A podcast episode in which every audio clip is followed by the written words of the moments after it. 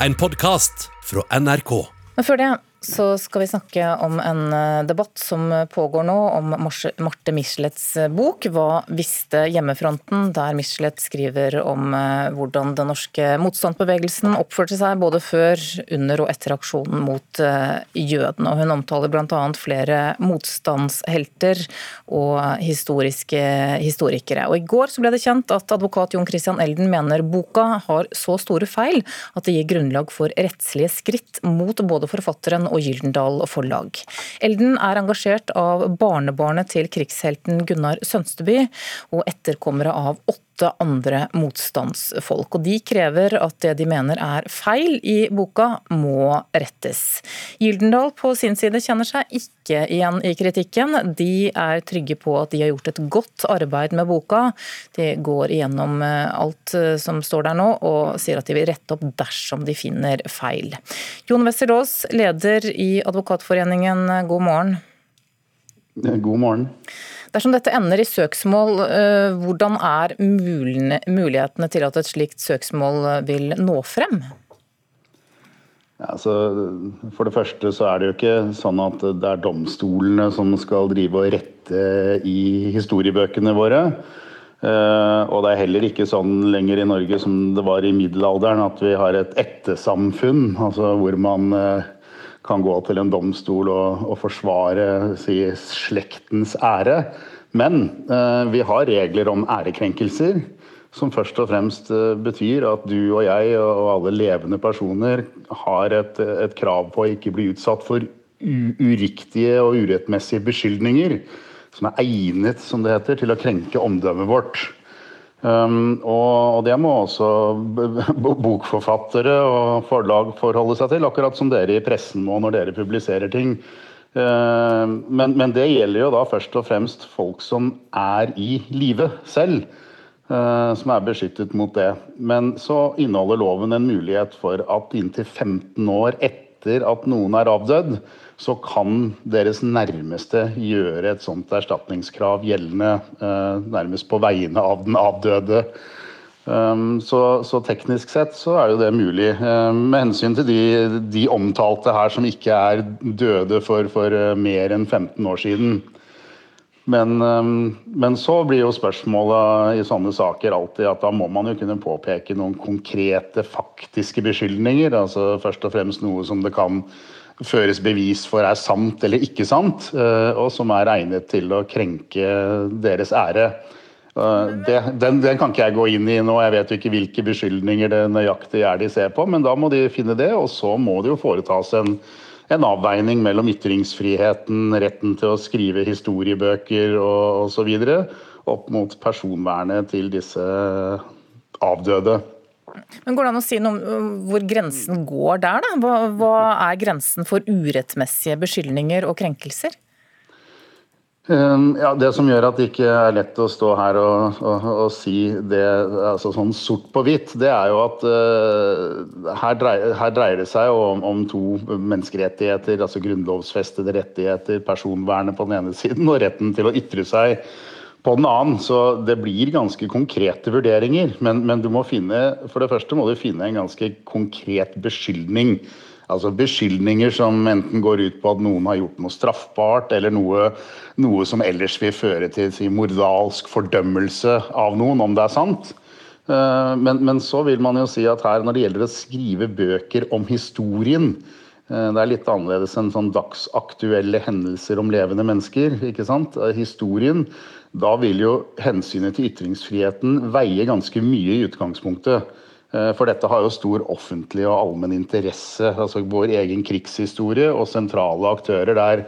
Så der vil jo en forfatter gis eh, ganske vidt slingringsmonn. Eh, men, men, så er det samtidig sånn at utgangspunktet er at er det en klar beskyldning om at man har gjort noe som, som, sagt, som vil være ærekrenkende, hvis det er sant, så så skal man altså ha noe slags dekning for det. Man må kunne vise til hva det er forankret i, den beskyldningen. Og, og i dette tilfellet så forstår jeg jo, der er det en historiebok, så vil det jo bli snakk om hvilke kilder har forfatteren bygget på. Er det et forsvarlig grunnlag? Man vil jo se hva slags forbehold ligger det i, i boken rundt uh, omtalen av disse personene. Uh, har man gitt uttrykk for uh, sant, at her er det usikkerhet om kilder eller noe sånt, så, så kan sånt hjelpe. Så det er jo Kanskje ikke det hjelper seerne eller lytterne her så mye, men det er jo som når dere i pressen med jevne mellomrom blir saksøkt for å ha ærekrenket noen i nyhets- og dokumentarjournalistikken.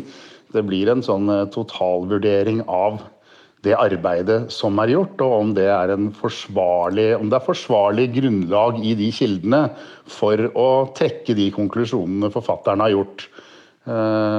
Det er klart, dersom, man, dersom, man, dersom du kan påvise at man nærmest bevisst har oversett ting, eller eller eh, kommet med påstander som det overhodet ikke finnes noe rimelig grunnlag i noen kilder for å trekke, så, så vil man jo ligge dårligere an. Ja, Det er vel der striden står akkurat nå, hva som er eh, kildematerialet her, blant annet. Jeg må bare spørre veldig kort til slutt, eh, selv om disse motstandsfolkene det er snakk om ikke lever lenger, hva har det å si at også familiemedlemmer føler at familiens ære er krenket?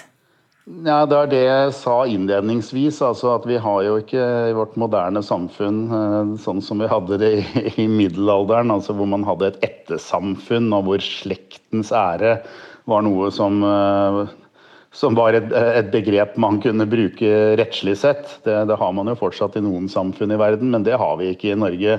Så det, det, må, det er jo som sagt etter at noen er død, så er egentlig personvernet deres uh, borte. Bortsett fra at man i en periode på inntil 15 år så kan de nærmeste for å si det sånn, forsvare den avdødes eh, ære gjennom et eh, ærekrenkelsessøksmål, som altså går ut på et erstatningskrav.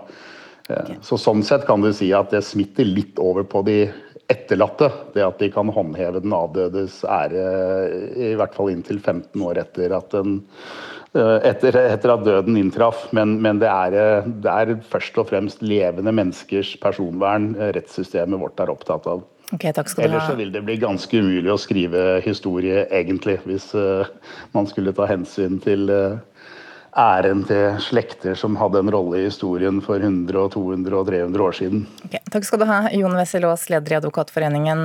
Forfatter Marte Michelet var ikke tilgjengelig for kommentar i går kveld, men hun skrev i en e-post til Sunnmørsposten på tirsdag at påstandene fra de pårørende ikke stemmer. Selv opplever hun at motboken som tre har skrevet, historikere har skrevet, gir et forvrengt bilde av det hun har skrevet. Og det er også der vi står. Striden om hvorvidt Utøykaia er riktig plassering for et minnested etter 22.07-terroren, den har skapt stort engasjement og splittelse i lokalmiljøet der.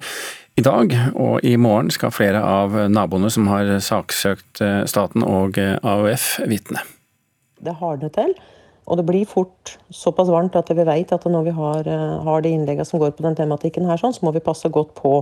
Det er fort gjort at det kommer beskyldninger og karakteristikker av motparten her sånn, som ikke er av den typen som egner seg egentlig for hva saken egentlig handler om, for det, den er jo så dypt tragisk som den er. Striden om minnestedet på Utøyakaia har skapt stort engasjement og sterke følelser i lokalmiljøet. Ansvarlig redaktør Sissel Skjervum Bjerkehagen i Ringerikes Blad peker på at enten man var med å redde ungdommene den tragiske dagen i 2011, eller om man mistet noen av sine nærmeste, så rører saken ved det aller innerste og det viser igjen i spaltene. Det er en krevende situasjon eh, å stå i for for de som er engasjert og opptatt av dette her. Det er ingen tvil om at det er enormt krevende også for et lokalsamfunn å stå i en sånn prosess. Sindre Lysø er generalsekretær i AUF. Når det er sagt, så eh, opplever jeg nå at eh, dette minnestedet på Utakaia har bred støtte. At det er mange som ønsker at dette skal komme på plass og bli et godt sted eh, for alle, også for nabolaget langs, langs Utstranda i nærheten av Utøya. Det er mange på begge sider av saken som ikke har turt eller orket å engasjere seg i den offentlige debatten fordi frontene er harde.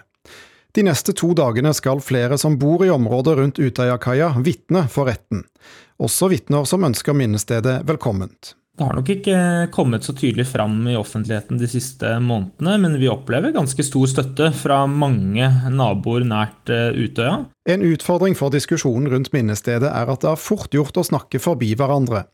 Man diskuterer med ulike premisser, påpeker advokaten til naboene som har saksøkt staten og AUF, Ole Hauge Bendiksen.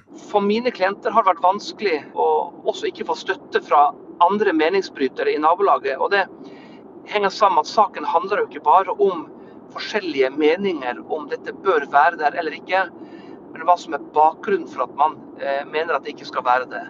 Mine klienter mener jo at de vil bli påført en helseskade, mens andre naboene mener at dette er pent og vakkert. Og for mine klienter så er det vanskelig å se at eh, deres helse ikke blir vektlagt mer eh, enn det den blir.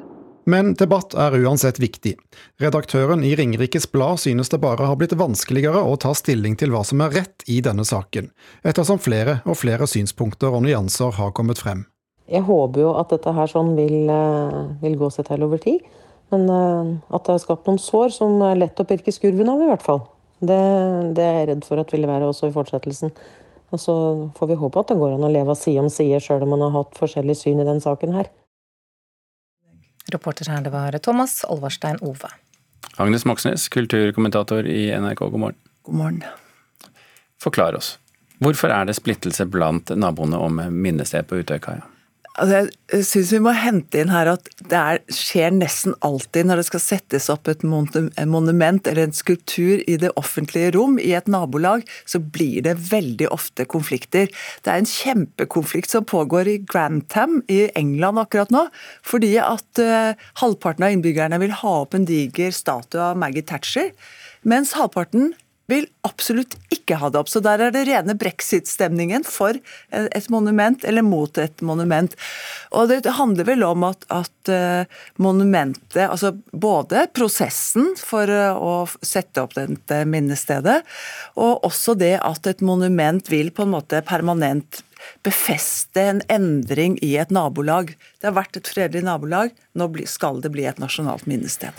Men man kan jo tenke seg at eh, monumentet om Thatcher handler også om politikk. At det, er, eh, et, uh, at det er forskjell på politisk syn her. Er det det også på Utøya? Det ligger nok noe i bunnen der. Jeg merket meg særlig i begynnelsen, da det ble bestemt at det skulle ligge et minnested på landsiden av Utøya. Så ble, ble det, var det veldig mye hetsing mot Arbeiderpartiet, som folk opplevde som et styringsparti som bare kunne komme og bestemme at det skulle ligge et monument nede ved, ved, ved vannkanten. Eh, mens da naboene som bodde der ikke engang fikk sette opp et, et båthus. Eh, sånn at det var mye hetsing der. Eh, og, og, men det gikk andre veien også. Altså, nabolaget ble jeg vet ikke om man kan si stemplet, altså folk mente det var Fremskrittspartifolk og at det sånn. Men, men jeg innbiller meg at akkurat det roet seg litt ned da Fremskrittspartiet kom i regjering i 2013 og stilte seg jo 100% bak de planene som var lagt om et nasjonalt minnested på, på Utstranda. Du nevnte jo at det er noen som ikke ønsker en evig påminnelse om terroraksjonen på Utøya, og det et sånt minnested vil være det. Men er ikke synet av øya i seg selv en permanent påminnelse, da? Jo, det er vel eh, det er jo, vil jo mange si at det er, men naboene selv sier at det er på en måte den har alltid vært der, og det liksom normaliserer seg.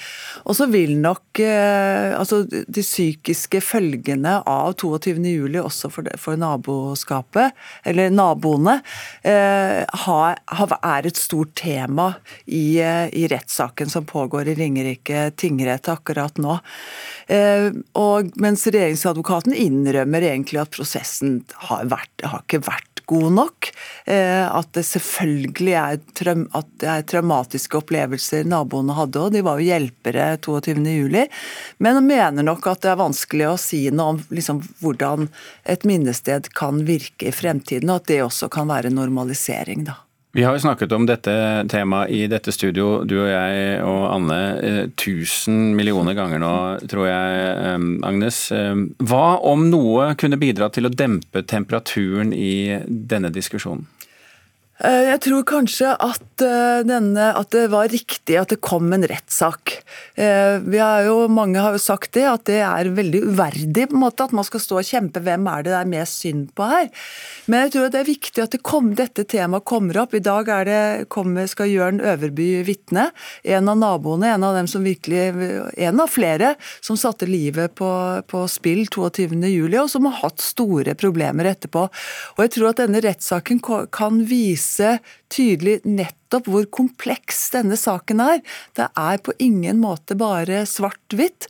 Eh, men jeg håper at det ender opp med eh, at man, at man blir enige om at det er et stort behov for et kollektivt minnested, og at det på en måte er det som, som eh, det konkluderes med, men at man tar alle mulige hensyn til dem som skal bo i nabolaget til dette minnestedet. Fremdeles komplisert, med andre ord. altså Agnes Moxnes, kulturkommentator, takk for uh, betraktningen. Du har hørt en podkast fra NRK. Hør flere podkaster og din NRK-kanal i appen NRK Radio.